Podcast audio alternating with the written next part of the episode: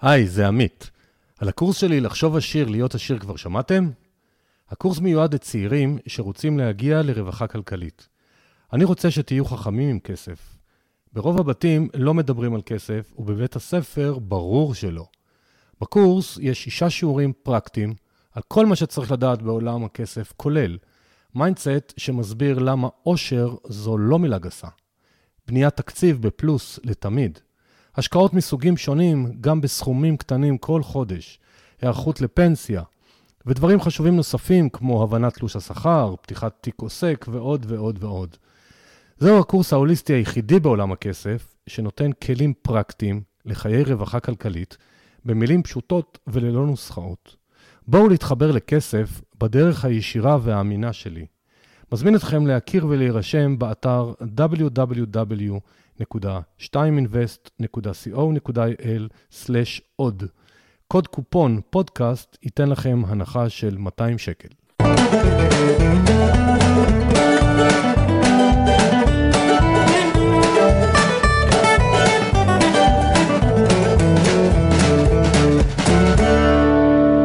שלום לכולם, זה עמית, פודקאסט כסף והשקעות, פתיח לפרק 34.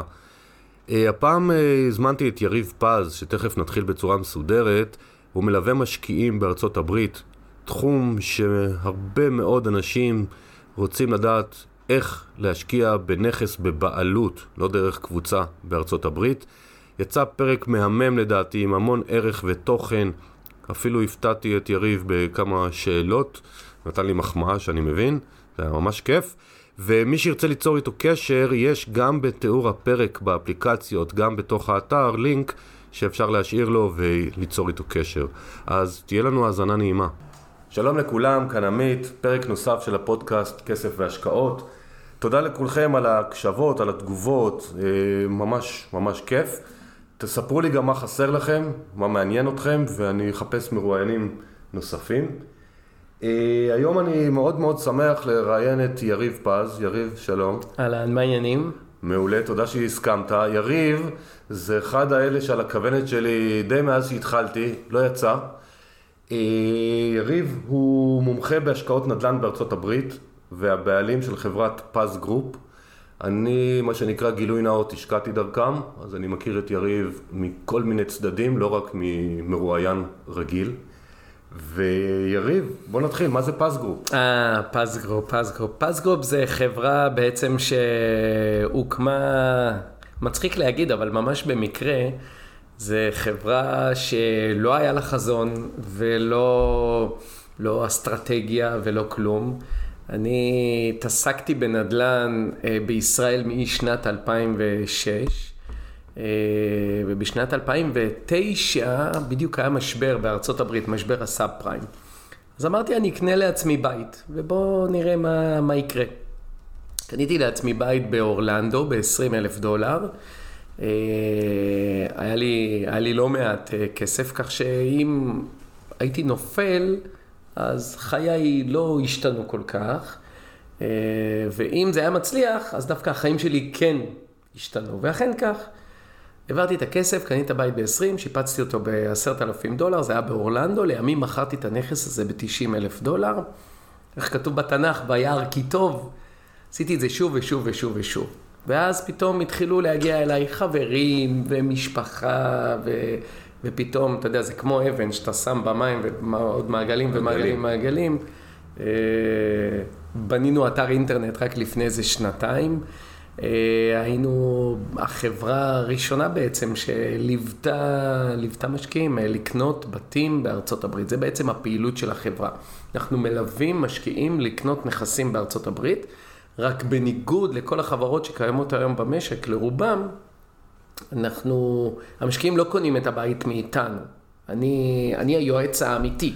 אז רגע, אני, אנחנו, אז בקטע של הליווי אנחנו נגיע יותר בהמשך. כי אני רוצה שהמון אנשים מתעניינים בנדל"ן, נדל"ן הברית, ויש המון חוסר ידיעה, אז אני רוצה שנפוגג קצת את חוסר הידיעה, ואז נגיע לליווי. יאללה.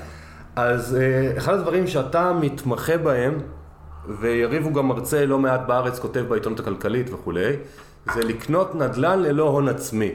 אה, עכשיו, אתה לא תגלה אולי את הכל כי זה הרצאות של שעות, אבל תיתן כמה נקודות, כי זה אנשים, כולם אומרים, אני רוצה, אני רוצה, אבל אין לי כסף, אני מפחד, אז אני מפחד, נדבר על הליווי. כן. אבל איך קונים בלי הון עצמי? אז קודם כל, גיליתי בשנים האחרונות, אה, אתה יודע, שיש לך המון כסף, זה לא חוכמה. שיש לך 20 מיליון דולר, בוא נקנה עכשיו נדל"ן, סתם, אתה רק תצביע ויש לך נדל"ן ב-20 מיליון דולר. חוכמה קטנה. אבל מה לעשות שלרוב המאזינים כנראה אין 20 מיליון, חסר להם עוד איזה דולר או שניים להגיע ל-20 מיליון. אז uh, יש אפשרויות, uh, uh, לא מעט אפשרויות לקנות uh, בתים ב- ב- ב- ללא הון עצמי, גם בישראל וגם בארצות הברית. נניח לנו יש שיתוף פעולה עם הבנק הבינלאומי, עם בנק דיסקונט, שהם נותנים למשקיעים שלנו הלוואות של 150 אלף שקלים צפונה. אה, לרכישת אה, נדל"ן בארצות הברית. אז זו אופציה אחת. אופציה שנייה, יש גם בארצות הברית אפשרויות כאלה. אני לא אעבור על הכל, כי לא, זה ברור, באמת ברור. הרצאה של שלוש שעות, אבל נניח גם בארצות הברית אה, יש גופים, גם אנחנו אולי עוד מעט מתחילים לעשות את זה, להיות גוף שהמוכר בעצם הוא הבנק גם. זה נקרא owner finance. מה זה אומר? זה אומר שלי יש בית ב-60, 70 אלף דולר, אתה רוצה לקנות אותו? אין בעיה, תן לי down payment של 5,000 דולר ואת היתרה, כמו ליסינג, לאור כמו ליסינג של האוטו. בול. ואת היתרה תיתן לי ב- ב- ב- בחמש שנים, בעשר שנים, ובעצם זה מגובה בשכירות. אוקיי? אז אלה ככה שתי אופציות. שזה, אבל יש באמת איזה יותר מעשר דוגמאות, זו הרצאה מאוד מאוד שלמה, אני רץ עם ההרצאה הזאת בכל הארץ. אני יודע, אה, לכן אני מעלה לה- שאנשים ידעו, שיעקבו אחריך, כי- כן, כן. כי יש על מה לדעת. אז זה מוביל אותי לשאלה נוספת שהמון המון אנשים שואלים, האם ישראלי, דרכון ישראלי, יכול לקבל מימון לרכישת נדל"ן בארצות הברית? ושאלה משלימה, האם אפשר לפתוח חשבון בנק כישראלי בארצות הברית? אז תראה, קודם כל, מכיוון שיש לי בעיות קשב, אז תשאל שאלה, אני אענה, ואז תשאל. בעיה. האם אפשר ל... או, כי כבר שכחתי את השאלה. השנייה. לכן זה רשום לי, שאל אותי למה אני רושם, אתה רואה למה אני רושם? כי גם לי יש את ההפרעות כן. שלי. האם אפשר כישראלי לפתוח חשבון בנק בארצות הברית? אז כן, יש אפשרות לפתוח חשבון בנק בארצות הברית, גם לאדם שלא נוכח בארצות הברית, על אחת כמה וכמה, אחד שמגיע לבנק האמריקאי, יש בצ'ייס, בבנק אוף אמריקה, לנו יש שיתוף פעולה עם בנק אוף אמריקה, שאנחנו פותחים חשבונות בנק למשקיעים שלנו, מבלי שהם אה, נוכחים. זה לגבי חשבון בנק. שאלת לגבי הלוואות. ישראלי שחי בישראל ואין לו social security number והוא מחזיק בבית פרטי או רוצה לקנות בית פרטי, אין היום אפשרויות לקחת מימון, אלא אם כן זה hard money. hard money זה נורא דומה לשוק אפור שלנו מבחינת ריביות, אבל זה לא דומה מבחינת הנפשות הפועלות. בסדר? זה לא שאם לא, אתה מה תחזיק את? הכסף ישברו לך את הידיים. לא, לא, אבל מה הריבית בהארד מאני? היום, נגיד, בגדול. 10, 11, 12 אחוז בשנה. אומרת, למי זה זה מיועד? זהו. זה מיועד יותר לאנשים, בוא נקנה בית, לגישור. בוא נשפץ אותו ונמכור אותו. מה שנקרא פליפ ים. בדיוק. עכשיו תסביר למי שלא יודע מה זה flip.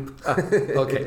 אז אה, flip תזכור זה... שב... סליחה, גם תזכור שבמאזינים שלנו יש הכל. אלה שרק רוצים נדל"ן שמעו על זה כסיסמאות, וכאלה שכבר עסקו, ולכן אני מנסה תמיד להגיע למכנה הרחב ביותר, כי המטרה לתת השראה וכלים פרקטיים. מה זה flip? אוקיי, פליפים זה בעצם, זה משהו שפעם היה גם בישראל, אה, אבל היום כבר פחות.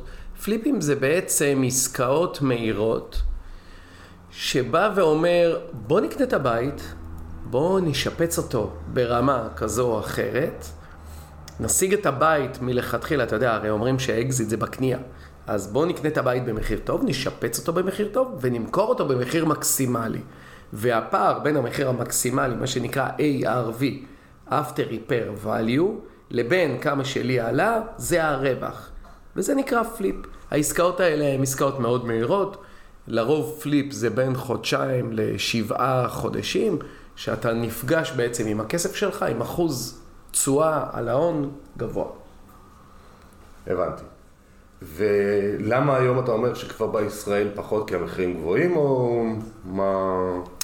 אני אגיד לך, בישראל, אתה יודע, יש לי משקיע שלקחתי אותו לפני חמש שנים בחיפה. יש לנו קו בחיפה שאנחנו גם פעילים שם, בשנים האחרונות טיפה פחות. ואמרתי לו, תשמע, יש פה נכס, זה היה ברחוב החשמל, יש פה נכס, שווי שוק שלו היה אז בזמנו 550. השגנו אותו ב-450. זה נדיר. אמרתי לו, תשמע, יש לך עד יום למחרת להגיד לי כן או לא. אמרתי לו, אבל תודיע לי בבוקר. הוא הודיע לי אחר הצהריים שכן, אבל לא יכלתי לחכות לו, וכבר העברתי את זה למשקיע אחר וזה נמכר. הוא אמר לי, תשמע, אני מצטער, לא יצא לי, לא פה, לא שם וזה, תחפש לי עוד אחד. לקח לי חצי שנה למצוא לו אחד שכזה. למה? בישראל אנשים מתמחרים, המוכרים מתמחרים את הבית שלהם מאוד גבוה, והקונים רוצים לקנות מאוד נמוך. זה בעצם האתגר שיש למתווכים. איך עכשיו אני מפשר בין שני הצדדים האלה. בארצות הברית יש, אתה יודע, כל כך הרבה סיפורים של אנשים שפושטים רגל, ירושות, גירושים, אנשים שעומדים לאבד את הבית, אנשים שלא שילמו ארנונה.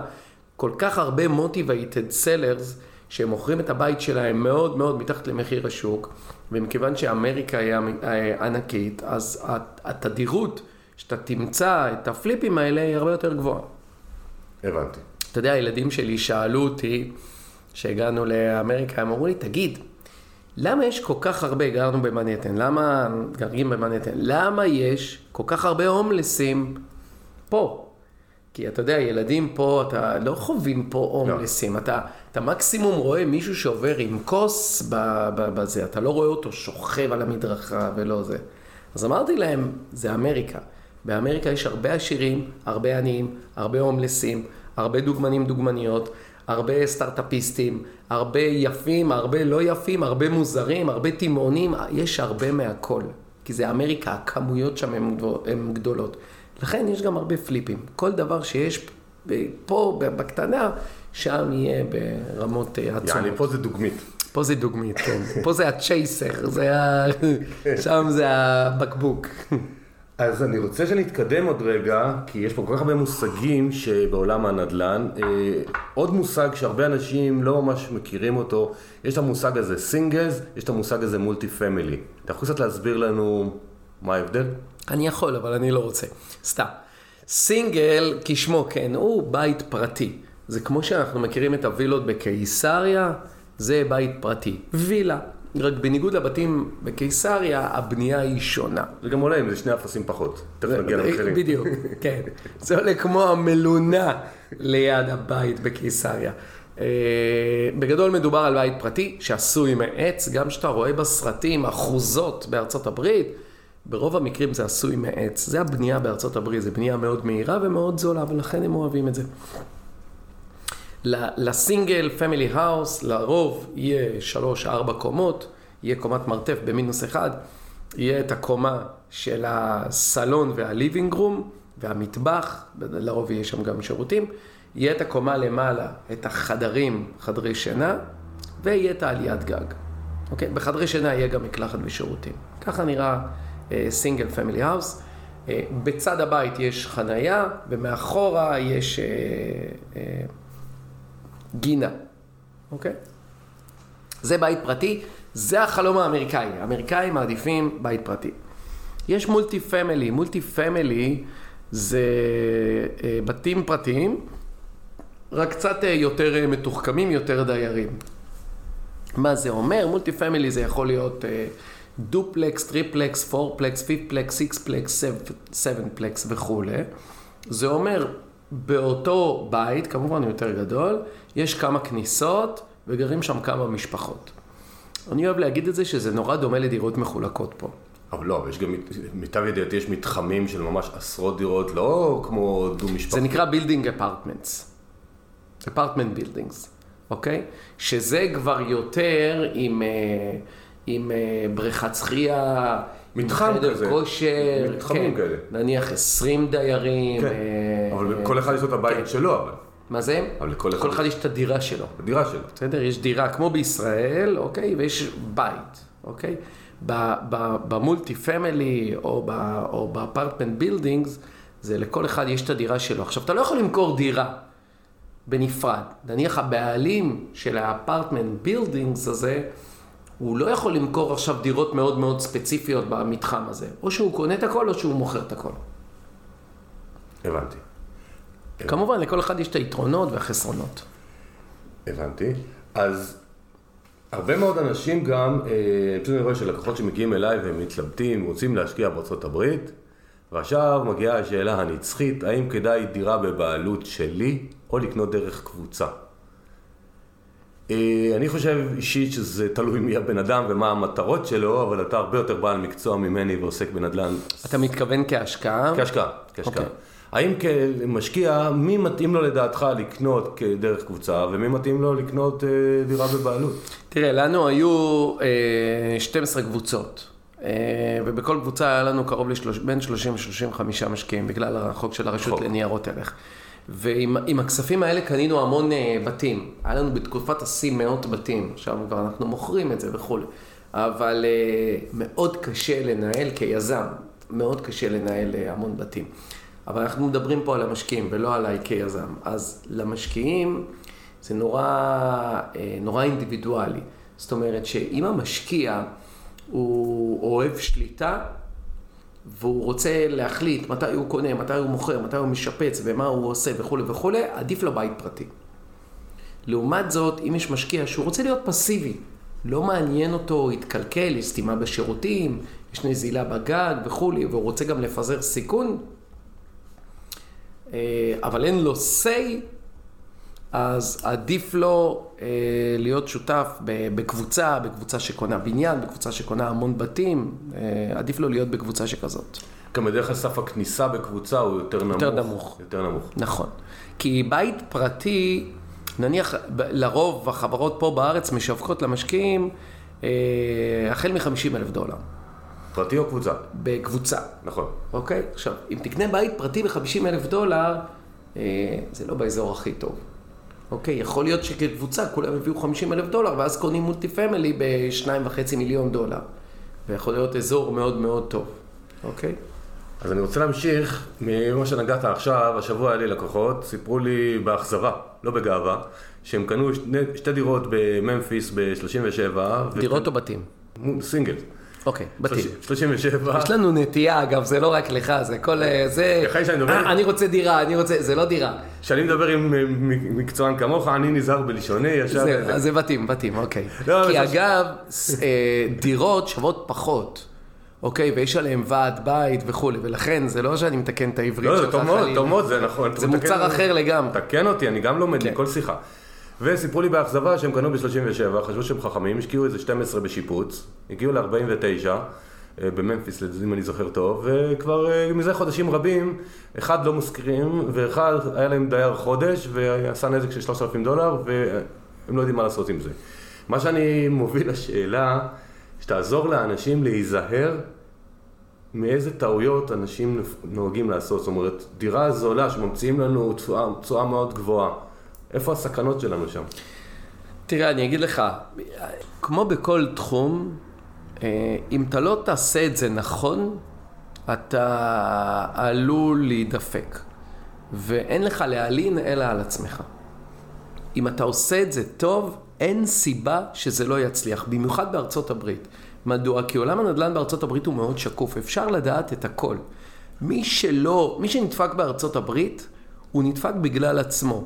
כי החבר הזה שלך, אם הוא היה בודק את הבית באינטרנט והיה עושה גוגל על הכתובת של הבית, הוא היה רואה שהאוכלוסייה שם היא ברמה הנמוכה ביותר.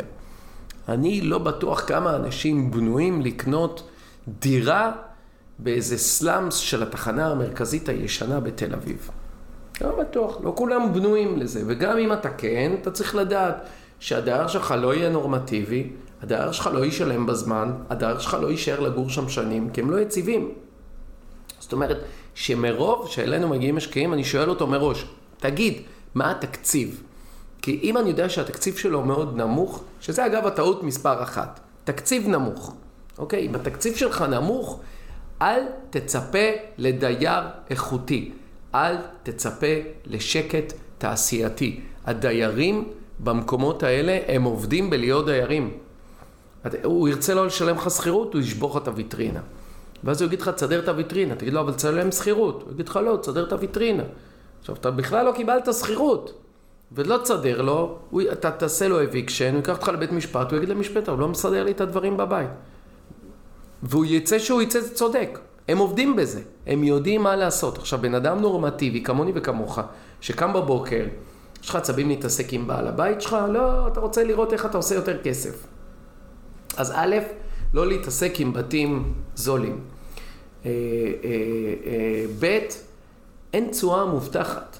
אין תשואה מובטחת. לדעתי, אלפי משפחות בישראל קנו מחברות מוכרות יותר ומוכרות פחות תשואה מובטחת. תשואה מובטחת מחזירים לכם מהכסף של עצמכם, אוקיי?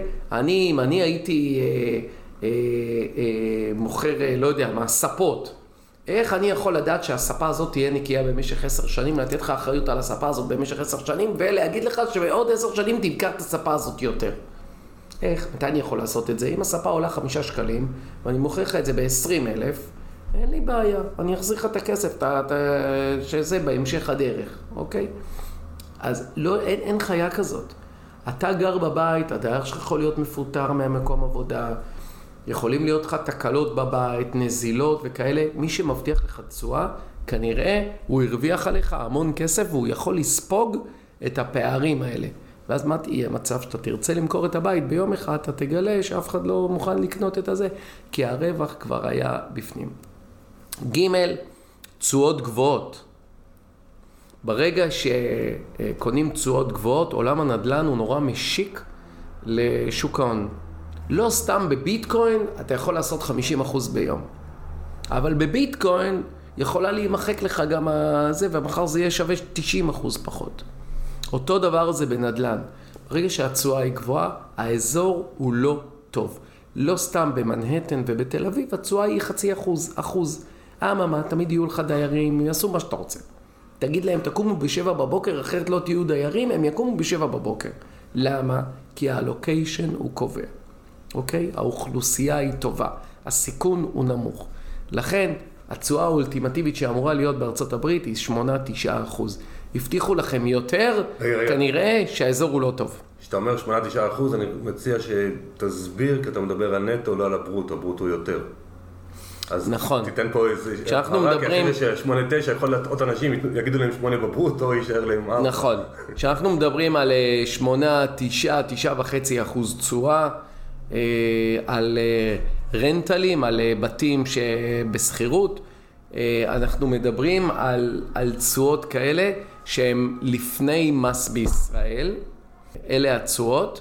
כמובן הברוטו יותר. למה? כי... בעל נכס בארצות הברית יש לו הרבה הוצאות. זאת אומרת שנניח אה, תשכיר את הבית באלף דולר, אה, בפועל יישאר לך 600 דולר. למה? כי בעל נכס משלם פרופרטי טקס, ארנונה, הוא משלם ביטוח לנכס, יש לו תיקונים, יש לו הרבה, אה, יש לו הרבה, לא, יש לו לא מעט הוצאות. snow removal בחורף, cut grass בקיץ. בקיצור, מהאלף נשאר 600. וכשאנחנו מדברים על תשואה, אנחנו מדברים בעצם אחרי שהפחתנו את כל ההוצאות האלה, אבל לפני מס בישראל. ובארצות הברית גם צריך לדווח. בארצות הברית כמעט ולא משלמים מס בשנים. לא, חשוב לי שאנשים ידעו שצריך לדווח גם בארץ וגם בארצות הברית. לחלוטין. כשמי שיש לו השקעת נדל"ן בארצות הברית, הוא צריך להכין מסמך, זה נקרא K1, יש עורכי דין, רואי חשבון, סליחה, בישראל שמנפיקים את הזה. אבל מכיוון שכל ההוצאות של הרכישה והשיפוץ ואפילו עמלת ליווי של מי שמלווה אתכם לקנות בית זה הוצאות מוכרות. כי אמריקה, בניגוד לישראל, נורא מחבקת משקיעים ונורא אוהבת אותם. אה, ולכן כמעט ולא משלמים מס בארצות הברית, ממש פרוטות, עשרות דולרים בשנים הראשונות. שוב, אני רק רוצה לסייג המציג אינו רואה חשבון, לא מתיימר להיות אחד כזה, יש לי תעודת בגרות מלאה וגם היא לא בציונים מי יודע מה, אז לכו להיוועץ עם רואה חשבון שזה, אבל זה על סמך ניסיון של 500-600 משקיעים שיש לנו. ואני אוסיף ואומר שכל מה שאנחנו אומרים זה לא המלצת השקעה, זה הפודקאסט כמו שכולכם, מי שהמאזינים הוותיקים יודעים, אני פורס אפשרויות, רעיונות. אפשר כמובן להתייעץ אחרי זה עם יריב באופליין, אבל אנחנו, אני לא בא וממליץ לאף אחד לעשות שום פעולה. הכל פה למטרת לימוד בלבד, כמו, כן. שה... כמו שהחוק מחייב כן. להבהיר, לגמרי, וזה לגמרי. באמת נכון. אז הזכרת מקודם שבארצות הברית אה, המידע הוא מאוד מאוד נגיש, כמו שאמרת, אם הוא היה נכנס לאינטרנט ורואה בגוגל.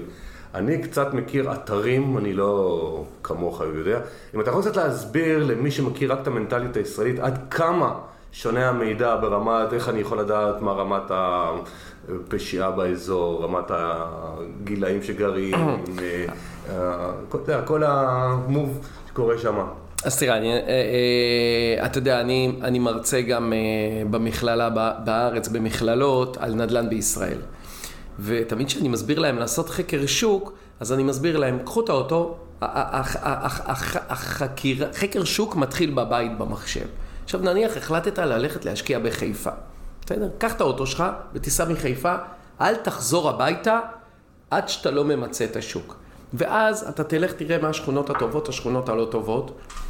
האם אתה רואה אה, אה, אה, חרדים, חילונים, חד-הוריות, רוסים, ערבים, סטודנטים, אתה צריך להסתכל על כל המגזרים האלה ולכל אחד מהם יש השפעה. לחלקם לטובה, חלקם לרעה, חלקם לא משפיעים בכלל וכולי. האם יש אוניברסיטאות, אין אוניברסיטאות, זה החקר שוק.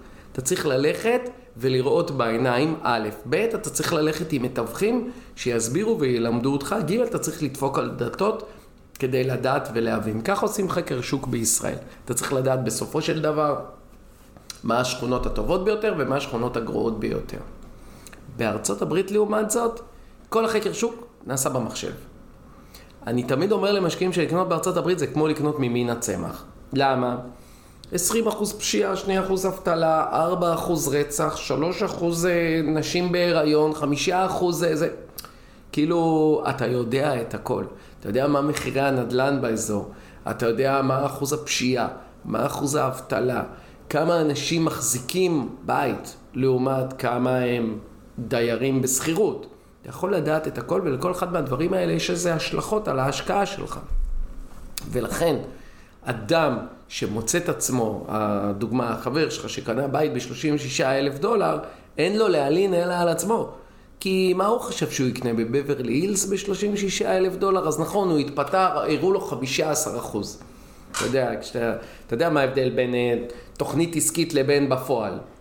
שיכול שלא יהיה ביניהם בכלל שום קשר. וזה, זה, זה, ועכשיו אנשים רואים את ה-15 אחוז, 17 אחוז, אומרים וואלה, אתה יודע מה, עבדו עליי. לא 15 אחוז, 12 אחוז. ואני אומר לך שיכול להיות גם שאתה תפסיד כסף באזורים האלה. כי מספיק שיהיה לך איזה דייר בעייתי שלא באת לו טוב בזה, לא יודע מה, הוא ביקש לתקן, לקח לך יומיים לתקן לו, יכול לשבור לך את כל הבית ויש לך נזק של 20 אלף דולר על בית של 30. עכשיו, סליחה שאני מפחיד. לא, אנחנו מדברים אבל... על אה, מציאות. זה המציאות. המציאות זה תפחדו לא לעשות את זה נכון. לא לא לעשות. בסדר? אתה יודע, אתה יכול גם... Uh, ללכת בכביש וחס וחלילה להידרס. אתה נמנע מללכת בכבישים? לא, אבל זה גורם לך להסתכל ימינה ושמאלה, לעבור במעבר חצייה ובאור ירוק.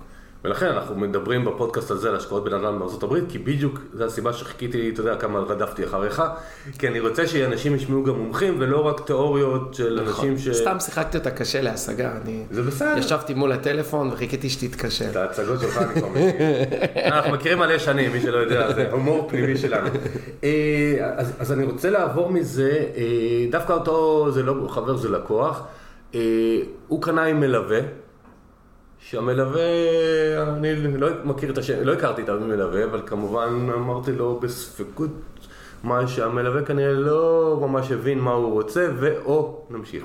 תסביר לנו בבקשה, מלווה, מה, למה הוא חשוב למשקיע מתחיל או מתקדם, מה, אה, מה אתה עושה, או אנשים כמוך, אבל עוד פעם, מה, מה בחברה, למה כדאי להוסיף על מחיר הנכס עוד כך וכך אלפי דולרים ולהשתמש בשירותי ליווי? אוקיי. Okay.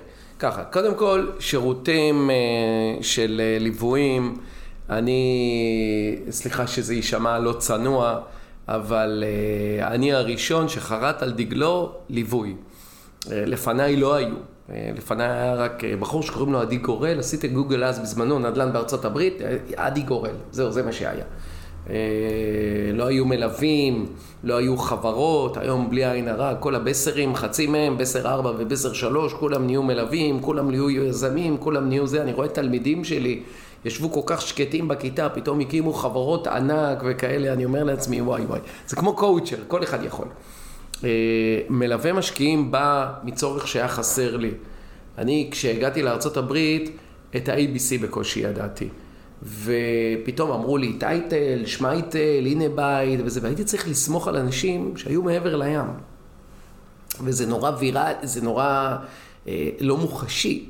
אתה רואה בן אדם באימייל או בסקייפ, זה לא מישהו שגדלת איתו, זה לא מישהו שאם יעשה לך בעיות תוכל לתבוע אותו, כי הוא נמצא מעבר לים. אז לי, לי היה חסר את זה. אז אמרתי, בוא נעשה את זה לאנשים אחרים, אני אלווה אותם.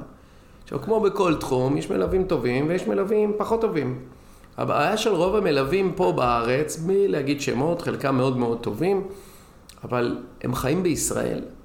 וכשאתה חי בישראל, אתה לא באמת יזם ואתה לא באמת מלווה משקיעים. אתה בסך הכל משווק כסף ליזם האמיתי שנמצא מעבר לים. זו הסיבה גם שירדתי מהארץ, אוקיי? כי רציתי לדעת מה קורה שם. לא רציתי שמישהו יבוא ויגיד לי, תשמע, שיפוץ 20 אלף.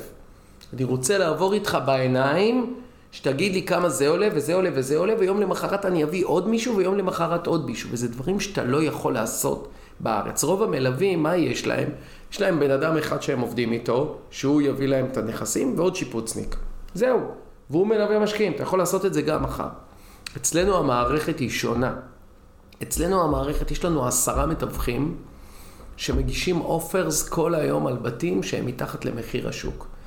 יש לנו שלושה שיפוצניקים שלכל אחד יש בין חמישה לשישה צוותים. זאת אומרת שיש לנו אה, אה, אה, עשרים צוותים של שיפוצניקים, שכל אחד בא לבית ונותן את ההצעה שלו. אנחנו מוכרים את ההצעה הנמוכה ביותר.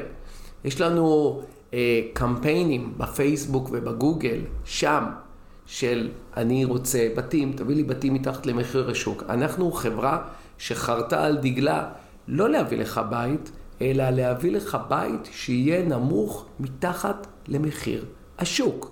עכשיו אמרנו מקודם, שניים שלושה משפטים מקודם, שאפשר לבדוק. תבדוק אותי, איפה שמחירי הנדל"ן יהיו 100, אני אביא לך בית, אביא לך כתובת והכל, אגיד לך כמה רכישה, כמה שיפוץ, ואתה תראה שזה יצא פחות מ-90. וניתן לבדוק את זה. רוב המלווים, לצערי בארץ, בית של 100, יביאו לך ב-110, 120, והם יסבירו לך למה הזילו הוא יותר נמוך ממה שקנית, וקנית יותר גבוה מהזילו. יגידו לך, כן, עשית שיפוץ, עשית פה, עשית שם, וכל מיני כאלה. אנחנו מביאים בתים שהם יהיו מתחת לזילו. אז רק ש... להבהיר מה זה זילו, זילו זה Z-I-O-L-O-W, זה מערכת שאתה יכול לדעת עליה היסטוריה של כל נכס לפי כתובת ו- וכולי בארצות הברית, חלק מהשקיפות. אה, הבנתי. ואז ליווית משקיע, נגיד אני עמית בא אליך עכשיו, אומר לך, יריב תמצא לי נכס. אתה עם הצוותים שלך מצאת נכס, מה השלב הבא שאני רוצה שתסביר למאזינים. יש לי נכס על שמי, כל הכבוד לי, אבל אני עדיין יושב בישראל ועדיין נכס ארצות הברית. איך מטפלים בו, איך יודעים שהדייר משלם, איך נותנים מענה לדייר, מה, הוא יתקשר אליי?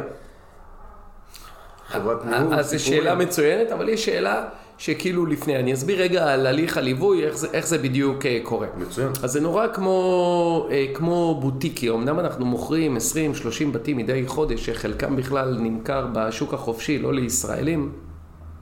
אז יש לנו, אנחנו עושים את זה כמעט מדי יום, אנחנו קונים ומוכרים אה, אה, נכסים. אבל הליך הליווי הוא שונה. איך עובד הליך הליווי? הליך הליווי עובד נורא בוטיקי. זאת אומרת, שאתה עמית בא אליי, פונה אליי, ונניח החלטת לשים את כספך במוצר שלנו, בלקנות בית. Uh, הבית כמובן הוא שלך, הוא לא שלי, אלה הביטחונות המלאים, אני רק uh, מלווה אותך, אנחנו מדברים, ואתה אומר לי מה התקציב. לרוב אני אנסה להעלות אותך במספר. אם התקציב שלך 50, אני אנסה להביא אותך ל-70. אם הוא 70, אני אנסה ל-80. למה? כי אני רוצה שיהיה לך אזור טוב. אני רוצה להביא אותך, נניח, להשקעות שיהיה באזור אה, נס ציונה, רחובות. אתה מבין? המקבילה שלו אתה מתכוון. בדיוק. לא, אנשים לא יודעים איפה אתה עובד, לא הזכרנו את זה, יריב עובד בעיקר באזור קליבלנד והסביבה. נכון, אנחנו עובדים בקליבלנד, אוהיו, אה, זה, זה מטרופולין, קליבלנד, כן. אוהיו, שמסביב יש המון ערי לוויין, שהייתי רוצה שנקנה נניח באזור כמו פרמה. באזור כמו בדפורד, באזור כמו סאוט יוקליד, שזה המקביל, זה, זה בדיוק מעמד ביניים, זה כמו נס ציונה בישראל. אני לא רוצה לקנות לך באופקים, מבלי לפגוע באף אחד באופקים, לא רוצה למכור בשדרות, שוב, מבלי לפגוע באף אחד בשדרות. אנחנו רוצים השקעות שקטות. אנחנו רוצים שהדייר שלנו, אשתו תהיה רופאה בבית חולים, והוא יהיה מורה באוניברסיטה. זה, זה הטייפקאסט שאני רוצה שיהיו. ואז בעצם, אחרי שאנחנו מתבייתים על התקציב, אני פלוס מינוס מסביר לך על האזורים והשכונות, ואז אני מחפש לך בתים. ברגע שאני מחפש לך אה, בתים, אה, אני שולח לך סרטון שמסביר לך איך לנתח את העסקה. אוקיי? כי אצלנו המשקיעים הם לא רק משקיעים, הם גם אה, לצד אה, פז גרופ, יש לנו את פז אקדמי. פז אקדמי זה, זה חברה שהקמנו במיוחד ללימודי נדל"ן, כי אני חושב שמשקיע חכם, הסיכוי שהוא ייפול הוא מאוד מאוד נמוך. משקיע טיפש, לא טיפש בחיים, ברור, אלא טיפש טיפש בעולם ההשקעות. בדיוק, שהוא לא בדק את העסקה ולא כלום. ולכן אני שולח למשקיע סרטון, הוא יודע לנתח את העסקה ולדעת אם היא טובה או לא טובה, בלי שאני אומר לו בכלל. ואז הוא אומר לי go, no go. נניח אמר לי no go, ממשיכים לחפש. אם אמר לי go, אנחנו עושים את כל הטייטל קמפני, העברת הבעלות, בודקים שאין שיעבודים ואין עיקולים על הנכס, ממשיכים לשלב הבא, העברת כספים וכולי. ברגע שהכספים הועברו, אנחנו uh, מתחילים לשפץ את הבית. כל השלבים האלה, המשקיע בעצם הוא, הוא, הוא יותר צופה. אני עושה את הכל ואני רק מעדכן אותו. אה, אה, ברגע שאנחנו משפצים את הנכס, אנחנו מראים לו איך הנכס נראה, יכולים להיכנס לערוץ היוטיוב, להיכנס ביוטיוב, לשים פז גרופ, יש שם איזה 180 או 200 אה, סרטונים של השיפוצים האחרונים שלנו בחצי שנה האחרונה, עם הסברים, איך זה נראה ומה נראה וכולי וכולי. בגדול, אנחנו אה, רוצים להנגיש את ההשקעה כמה שיותר למשקיע, כי אני מבין שמשקיע מרגיש חסר אונים, נתתי את הכסף, אני לא אראה כנראה את הבית בחיים, אני גם לא יכול להצביע עליו במפה איפה. אנחנו מנסים להנגיש את ההשקעה ככל שניתן. בסוף השיפוץ, אנחנו מחפשים דייר, once אנחנו מוצאים דייר, הנכס הולך לחברת הניהול, ופה לראשונה אנחנו עושים את הקשר בין המשקיע לבין חברת, ה... אה, לבין חברת הניהול, ומה שנקרא כמו האסקימוסים האלה ששולחים אותם עם הסיר הזה, שהם זה, אותו דבר פה, אבל הליווי בעצם לא נגמר, האינטנסיביות נגמרת, כי עד אותו רגע אנחנו באמת מדברים איזה פעמיים, שלוש בשבוע לפחות. מאותו רגע הוא מדבר איתי רק אם יש לו בעיות. בעיות אקוטיות כמובן, לא התקשרתי לחברת הניהול, היא לא ענתה לי. בסדר. לא, אבל עכשיו אחד הדברים שאני קורא בקבוצות פייסבוק וכולי, חברת הניהול שלחה לי הצעת מחיר של 12 אלף דולר, תגידו זה הגיוני או לא הגיוני? יופי, אז את השאלות האלה הם שואלים אותי. עכשיו, מכיוון שאני מקבל את הכסף שלנו, העמלת הליווי שלנו, היא מגיעה לא מחברת הניהול, ולא מהשיפוצניק, ולא מה-LLC, ולא מבנק אוף אמריקה, ולא מהבנק הבינלאומי, כלום. אני את הכסף שלי מקבל מהמשקיע. זה בערך כמו עורך דין שמלווה אותך לבית משפט, כמו רואה חשבון שמלווה אותך למס הכנסה. הוא לא מקבל כסף מהבית משפט או ממס הכנסה. לכן, אני את הכסף שלי מקבל ממך, ולכן יש לי אינטרס הגבוה ביותר לתת לך את התשובות הטובות ביותר. אז אם ביקשו ממך עשרת אלפים דולר, אלפיים דולר או זה, אה, זה לא קורה, כן? אלא אם כן אמרתי לך, תשמע, הגג עומד ללכת. לא, יכול להיות שבאמת שזה תקלה כזאת, אני פשוט אומר, יש אנשים אם שמרגישים... אנחנו בודקים את הבית. לא, זאת, זה מה שרציתי לדעת, האם הניהול, ברגע שחיברת את חברת הניהול, איפה אפשר עוד להיעזר בשירותי הידע המקצועי שצברתם בחברה? כל? דבר שיש לך שאלה, תפנה אלינו. אוקיי, אז הנה, אז ענית למה כדאי אה, לעבוד עם אה, מלווה, בטח בדירה שתיים הראשונות. כן. אה, שאלה שמסקרנת אותי ברמה האישית לגבי ארצות הברית, האם אתה מרגיש שיש היום נטייה יותר לדירות בבעלות או בשכירות של מקומיים, לא של אה, משקיעים? תראה, באזורים הטובים, באזור שאתה עובד, אני לא כן, מדבר באזורים על ארצות הברית. הטובים יש יותר homeowners מאשר אה, סוחרים.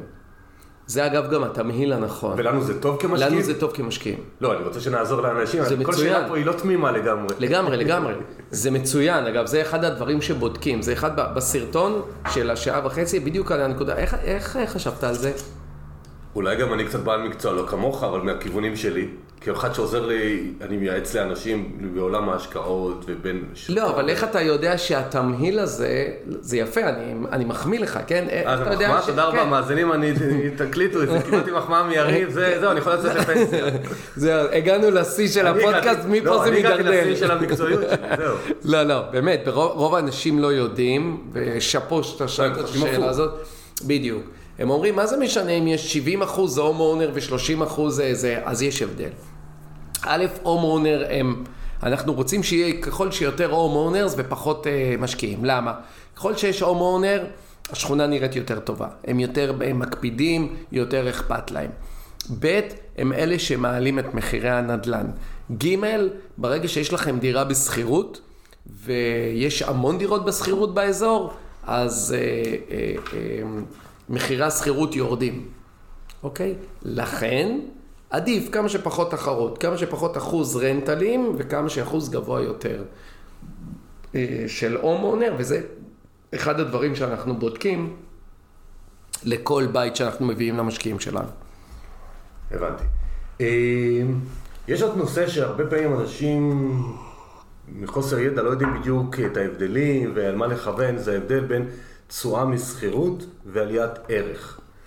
אה, כשאתה כבעל מקצוע מלווה אנשים או בעולם הנדל"ן, האם אתה מחפש את העליית ערך, האם אתה יודע לצפות אותה, או האם אתה מתייחס רק לתשואה הצפויה ואתה אומר עליית ערך אם תבוא, סבבה.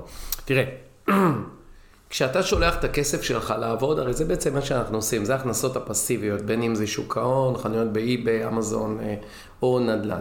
אתה בעצם שולח את הכסף שלך לעבוד. למה רק שאתה תעבוד? ברגע שיש שני אנשים עובדים, או שלושה, או חמישה, או עשרה, הם יעשו הרבה יותר כסף מבן אדם אחד. אז מבחינתי, אני שולח את הכסף שלי לעבוד. וכשהוא הולך לעבוד, הוא הולך לעבוד בשני משרות. משרת בוקר ומשרת ערב. משרת הבוקר שלו זה התשואה החודשית. משרת הערב זה האקזיט, אוקיי? כשאנחנו מסתכלים אה, אה, על התמהיל הזה, ככל שנהיה באזורים טובים יותר, ה-appreciation, עליית שווי, הוא יהיה גבוה יותר. אם נניח ניקח דירה באזור, בארצות הברית זה מחולק ל class, class A, B, C ו-D. class A זה ה class הכי גבוה שיש, אומרים A for appreciation, D for drugs. אלה כל השכונות העל אה, ה east. שכונות ברמה D לא עולות בשווי שלהן. יש שם תשואה גבוהה יותר בתיאוריה, אבל הן לא עולות בשווי של הנכס. לכן, בתמהיל הזה, שאמרנו מקודם 70-90, אלה, בקליבלנד, כן? באזור קליבלנד. באזורים האלה פוטנציאל עליית המחיר הוא הגבוה ביותר. ואכן אנחנו רואים שבשנים האחרונות מחירי הנדל"ן באזורי קליבלנד, אה, מטרופולין קליבלנד, לא העיר קליבלנד, עלו בסביבות בין שלושה לשבעה אחוז מדי שנה. עכשיו, אם אתה מוסיף את זה לעוד שבעה אחוז, שמונה אחוז על הזה, אתה מגיע ל-14-15 אחוז מדי שנה, כולל עליית ערך, מה שנקרא IRR. אז איך יודעים מתי הזמן אה, למכור ונקסט להשקעה הבאה? כאילו, הרי אתה אומר, יש לי תשואה נגיד שהיא קבועה. בוא נניח שהיא כאילו קבועה תמיד, לא משתנה. עליית ערך, יכול להיות שבאיזשהו שלב שוק מסוים מיצה את עצמו, ועכשיו השוק בעיירה אחרת, באזור אחר. זאת אומרת, איך אתה אה, מציע למשקיע להתנהל עם אה, ההשקעה שלו, מתי להגיד, טוב, עשית פה את התשואה היפה, תממש ותעבור להשקעה באזור שמתחיל את הטרנד. תראה, אני אגיד לך, שאלת את השאלה הזאת עם הבן אדם שיש לו את הסריטה הכי עמוקה בכל הנושא של עליית מחירים. ואני אגיד לך גם למה. סוג, אני לא יודע. אז זהו, אז אני אגיד לך, תראה. כשאני התחלתי לעבוד בפתח תקווה, זה היה בשנת 2006, והייתי קונה דירות ב-500,000. כשהדירות הגיעו ל-700,000, קיבלתי עצבים ועברתי לגבעת שמואל. כשהדירות בגבעת שמואל עלו, עברתי אה, לבאר שבע. הייתי קונה דירות בבאר שבע ב-180-200. עזבתי את השוק, שזה היה 350. הלכתי לקנות דירות בחיפה ב-300. עכשיו, אתה יודע מה קרה בכל המקומות האלה אחרי שהלכתי? המחירים המשיכו לעלות. אבל לי יש בעיה, נניח אני אקנה עכשיו את הכוס קפה הזאת בחמישה שקלים, נניח עשרה שקלים עולה הקפה, יש לי בעיה לבוא מחר ולקנות אותה ב-20 שקלים. עכשיו, יכול להיות שהכוס הזאת שווה 30 שקלים. אצלי זה בסריטה, וזה קרה לי גם בארצות הברית. לא סתם, סיפרתי לך, הבית הראשון היה באורלנדו, עזבתי את אורלנדו אחרי שנתיים. עברתי לאטלנטה, עזבתי את אטלנטה גם. היום אני תקוע בקליבלנד, אוהיו, מ-2011, כי תודה לאל, המחירים עדיין לא עלו משמעותית שאני אעזוב. לכן, אני חושב שעדיין המקום הזה עוד לא מיצה את עצמו. אגב, לא רק אני אומר את זה, גם פורבס מגזין ו-CNN מאני מצביעים על אזור הזה כאזור הטוב ביותר להשקעה בשנת 2020-2021. קליבלנד, אוהיו. האזורים האלה הם מאובחנים בעלייה של אה, עליית מחירים מאוד סולידית. מחירי הנדל"ן עולים מאוד מאוד לאט. לשאלתך, ופה זה ייראה לך קצת מוזר, אני נגד למכור. אני נגד למכור. למה? כי אם אתה קונה ומוכר וקונה ומוכר, אתה הרבה פעמים מאבד מהרווחיות לטובת הקנייה הבאה. אני חושב שאתה צריך להיות במוד של קונה תמיד. וזו תפיסה, זה perception. אתה... אני מבחינתי, אין סיבה שאני לא אקנה היום בית. לא, אמיתי. אני אומר משהו אחר. אם קליבלנד למשל, תעבור למוד של אה, עליית ערך של חצי אחוז בשנה. כן. ואזור אחר, אני לא מכיר מספיק כמו בארצות הברית, הוא מתחיל את הטרנד של ה-4-5% בשנה. יפה מאוד.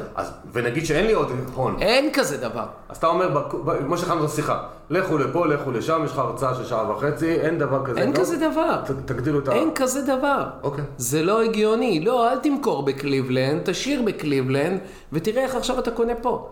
ותבנה לעצמך פורטפוליו נכסים שלא תלוי בהכנסה שלך. זה הגיוני, תראה. מה, מה, מה לימדו אותנו? לימדו את כולנו את אותו דבר, נכון? לימדו אותך, תשמע. אתה הולך אחרי הצבא ואתה מתחתן, ואחרי שאתה מתחתן אתה קונה בית. למה? כי בית זה ביטחון. נכון? בדרך כלל האישה יותר תרצה את הבית, הבעל פחות ירצה. אוקיי? וזה מה שמלמדים אותך. שמלמדים אותך שכדי לשלם על הבית הטיפשי הזה, אתה צריך לעבוד 20 שנה. תחשוב, 20 שנה אתה עובד. אתה תלוי בבן אדם אחד שהוא הבוס שלך. שאם יום אחד עצבנת אותו, הוא מעיף אותך ממקום עבודה ואין לך איך לשלם את המשכנתה הזאת. ואתה יודע מה, אם הצלחת בחייך, קנית שתי בתים. מי אמר שככה זה צריך להיות? למה? למה את מרבית שנות חיינו אנחנו צריכים ללדת בשתי בתים? ואתה יודע גם איך תסיים בסוף? פלוס מינוס עם משכנתה. ואתה יודע מי ייהנה מהבתים? הילדים שלך. לא שיש לי משהו נגד הילדים שלך, אני חולה על הילדים שלי. אבל תחשוב אני אשאיר אולי לילדים שלי 100 בתים. למה אתה תשאיר רק שני בתים? אני אגיד לך למה. כי אני עשיתי משהו שאתה לא עשית. אני העזתי, ואני חשבתי בכל פעם איפה אני מביא את הבית שלי. אתה, נניח בתחום שלך, חושב מאיפה תביא את המרואיין הבא שלך, שזה מצוין, ואתה תמיד תמצא. אבל תראה איך היית שם את ה mind שלך, איך אני מביא כסף לבית הבא. אני אומר לך, אתה בן אדם חכם, ורוב האנשים, גם אלה ששומעים את הפודקאסט הזה, הם אנשים חכמים, אם הם היו מוצאים דרך יצירתית להביא את הזה, אני מצאתי.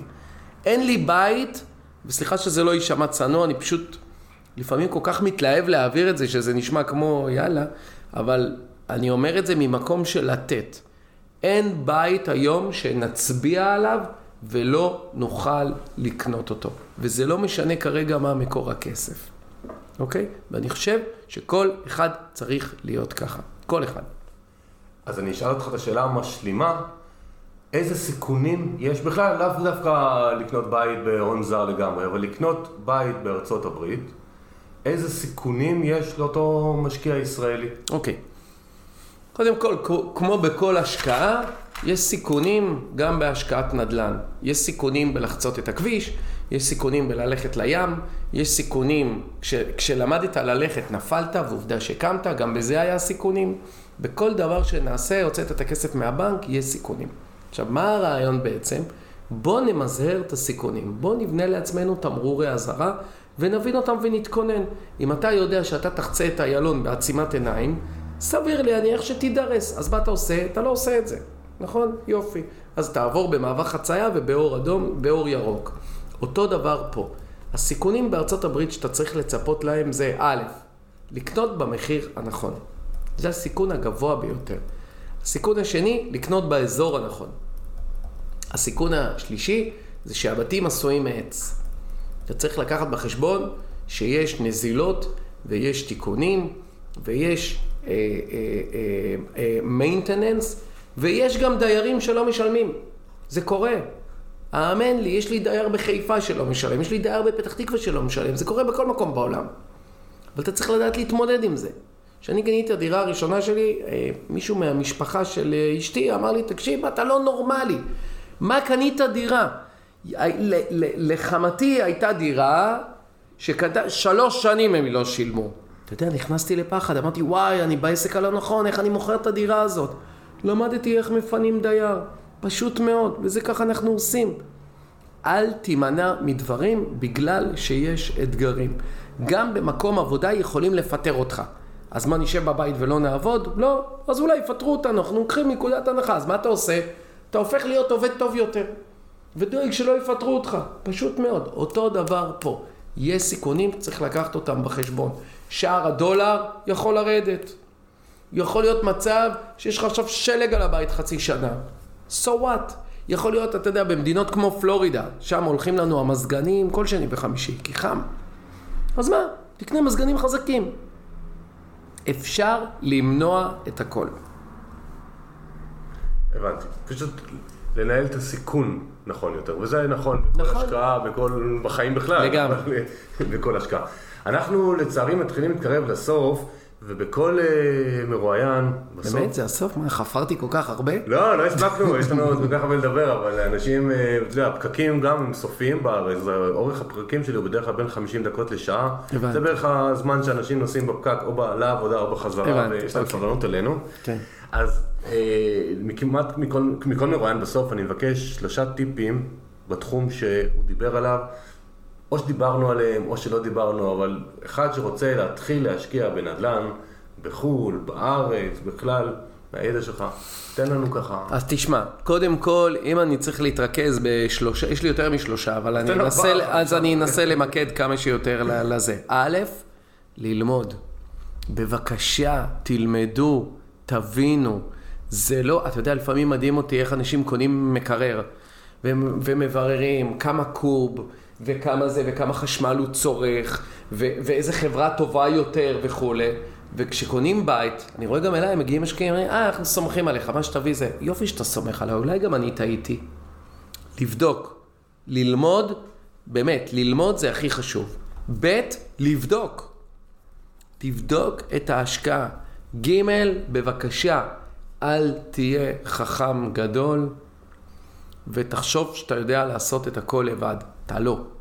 כמעט בכל דבר גדול שעשית בחיים, השתמשת באיש מקצוע. עכשיו, אתה יודע, אני אומר משהו שכאילו... אה, לא, הכל בסדר. הוא לא, אני לא אובייקטיבי. לא, גם אני לא אובייקטיבי שאני מייצר לפעמים שלי לקבל את השירות ייעוץ שלי, כן. בסדר גמור. אוקיי, אתה צריך לבדוק עם מישהו שעשה את זה, תבדוק. אם אתה יכול להיות בכלל גם בחברה של אנשים שעשו את זה, ידע זה כוח. ובבקשה, בבקשה, לא בתים זולים, לא בתים ב-20 אלף, 30 אלף, זה חלומות. עכשיו, אתה יודע גם מה הקטע עם החלומות האלה? שסליחה שאני אומר את זה, אחרי שמטומטם ימכור את הבית שלו ב-30, יבוא מטומטם אחר ויקנה ב-30. זה כאילו אה, אה, מתחלף. לא, הבעיה שלי אחרת עם הטמטום האלה הוא נדפק בהשקעה הזאת, אבל זה עושה שריטה ואז אנשים לא מעיזים יותר. אני רואה כן. אנשים שמגיעים אליי... ואני אומר להם, בוא נשקיע משהו בשוק ההון וזה, אומרים לי לא. אני אומר להם, למה לא? אומרים, כי אבא שלי נפל במשבר הבנקים ב-82, אז אנחנו בבית, לא נחכה בשוק ההון, כן. כאילו, מה רלוונטי? תראה, זה מדהים, אז אצלי בתחום שלי, הם אומרים לי, אתה יודע מה? בוא נתחיל בבית ב-30, אם זה ילך, נעשה קפיצה. אני אומר להם, לא ילך. אני אומר לך, אתה לא תקנה את הבית השני. לא, הוא מביא לך 70, הוא אומר לך תקנה לי 2.35. זהו, כן, עכשיו אתה יודע, אני כבעל חברה אמור להגיד לו, אין בעיה, 2.35, כי הוא ישלם לי 4,000 דולר, כן. העמלת ליווי שלנו זה 4,000, הוא ישלם לי 8,000 דולר, אני אמור להגיד לו את זה, ועדיין אני אגיד לו, לא, בוא תקנה ב-70. לא, לא, אנחנו, אנחנו אנשים שרוצים שאנשים יצליחו, בשביל זה אנחנו גם עושים את הפודקאסט. אז יריב, היה כיף גדול, כמו תמיד, לדבר איתך. כרגיל עבר מהר מדי, תודה רבה על הזמן שלך. אה, אני בפרק, גם באתר וגם בתקציר בתוך האפליקציה שאתם מקשיבים, בתיאור הפרק, יהיה את הפרטים של יריב, איך להגיע אליו. אני אוהב לעשות סטטיסטיקות, מה קורה עם הפודקאסט, אם הוא מניע אנשים לפעולה או לא. אז אם אתם מגיעים ליריב או מהצוות שלו ותגידו שבאתם דרך הפודקאסט, אז בסטטיסטיקה זה יעזור לי בסוף להבין כמה אנחנו בסוף מצליחים לעזור לכם ולהשפיע. ומי שהגיע לפרק הזה במקרה ולא מכיר את הפודקאסט כסף והשקעות, אז בכל האפליקציות, ספוטיפיי, או באתר www.2invest.co.il, כל הפרקים נמצאים, כל הידע נמצא. תודה רבה על ההאזנה, תשתפו חברים ותעשו השקעות טובות. תודה רבה, יריב. תודה רבה לכם, תודה על ההאזנה. היי, זה עמית. על הקורס שלי לחשוב עשיר, להיות עשיר כבר שמעתם? הקורס מיועד לצעירים שרוצים להגיע לרווחה כלכלית. אני רוצה שתהיו חכמים עם כסף. ברוב הבתים לא מדברים על כסף, ובבית הספר ברור שלא. בקורס יש שישה שיעורים פרקטיים על כל מה שצריך לדעת בעולם הכסף, כולל mindset שמסביר למה עושר זו לא מילה גסה. בניית תקציב בפלוס לתמיד. השקעות מסוגים שונים, גם בסכומים קטנים כל חודש.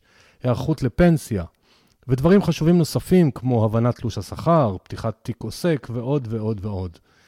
זהו הקורס ההוליסטי היחידי בעולם הכסף, שנותן כלים פרקטיים לחיי רווחה כלכלית, במילים פשוטות וללא נוסחאות. בואו להתחבר לכסף בדרך הישירה והאמינה שלי. מזמין אתכם להכיר ולהירשם באתר www.2invest.co.il/עוד. קוד קופון פודקאסט ייתן לכם הנחה של 200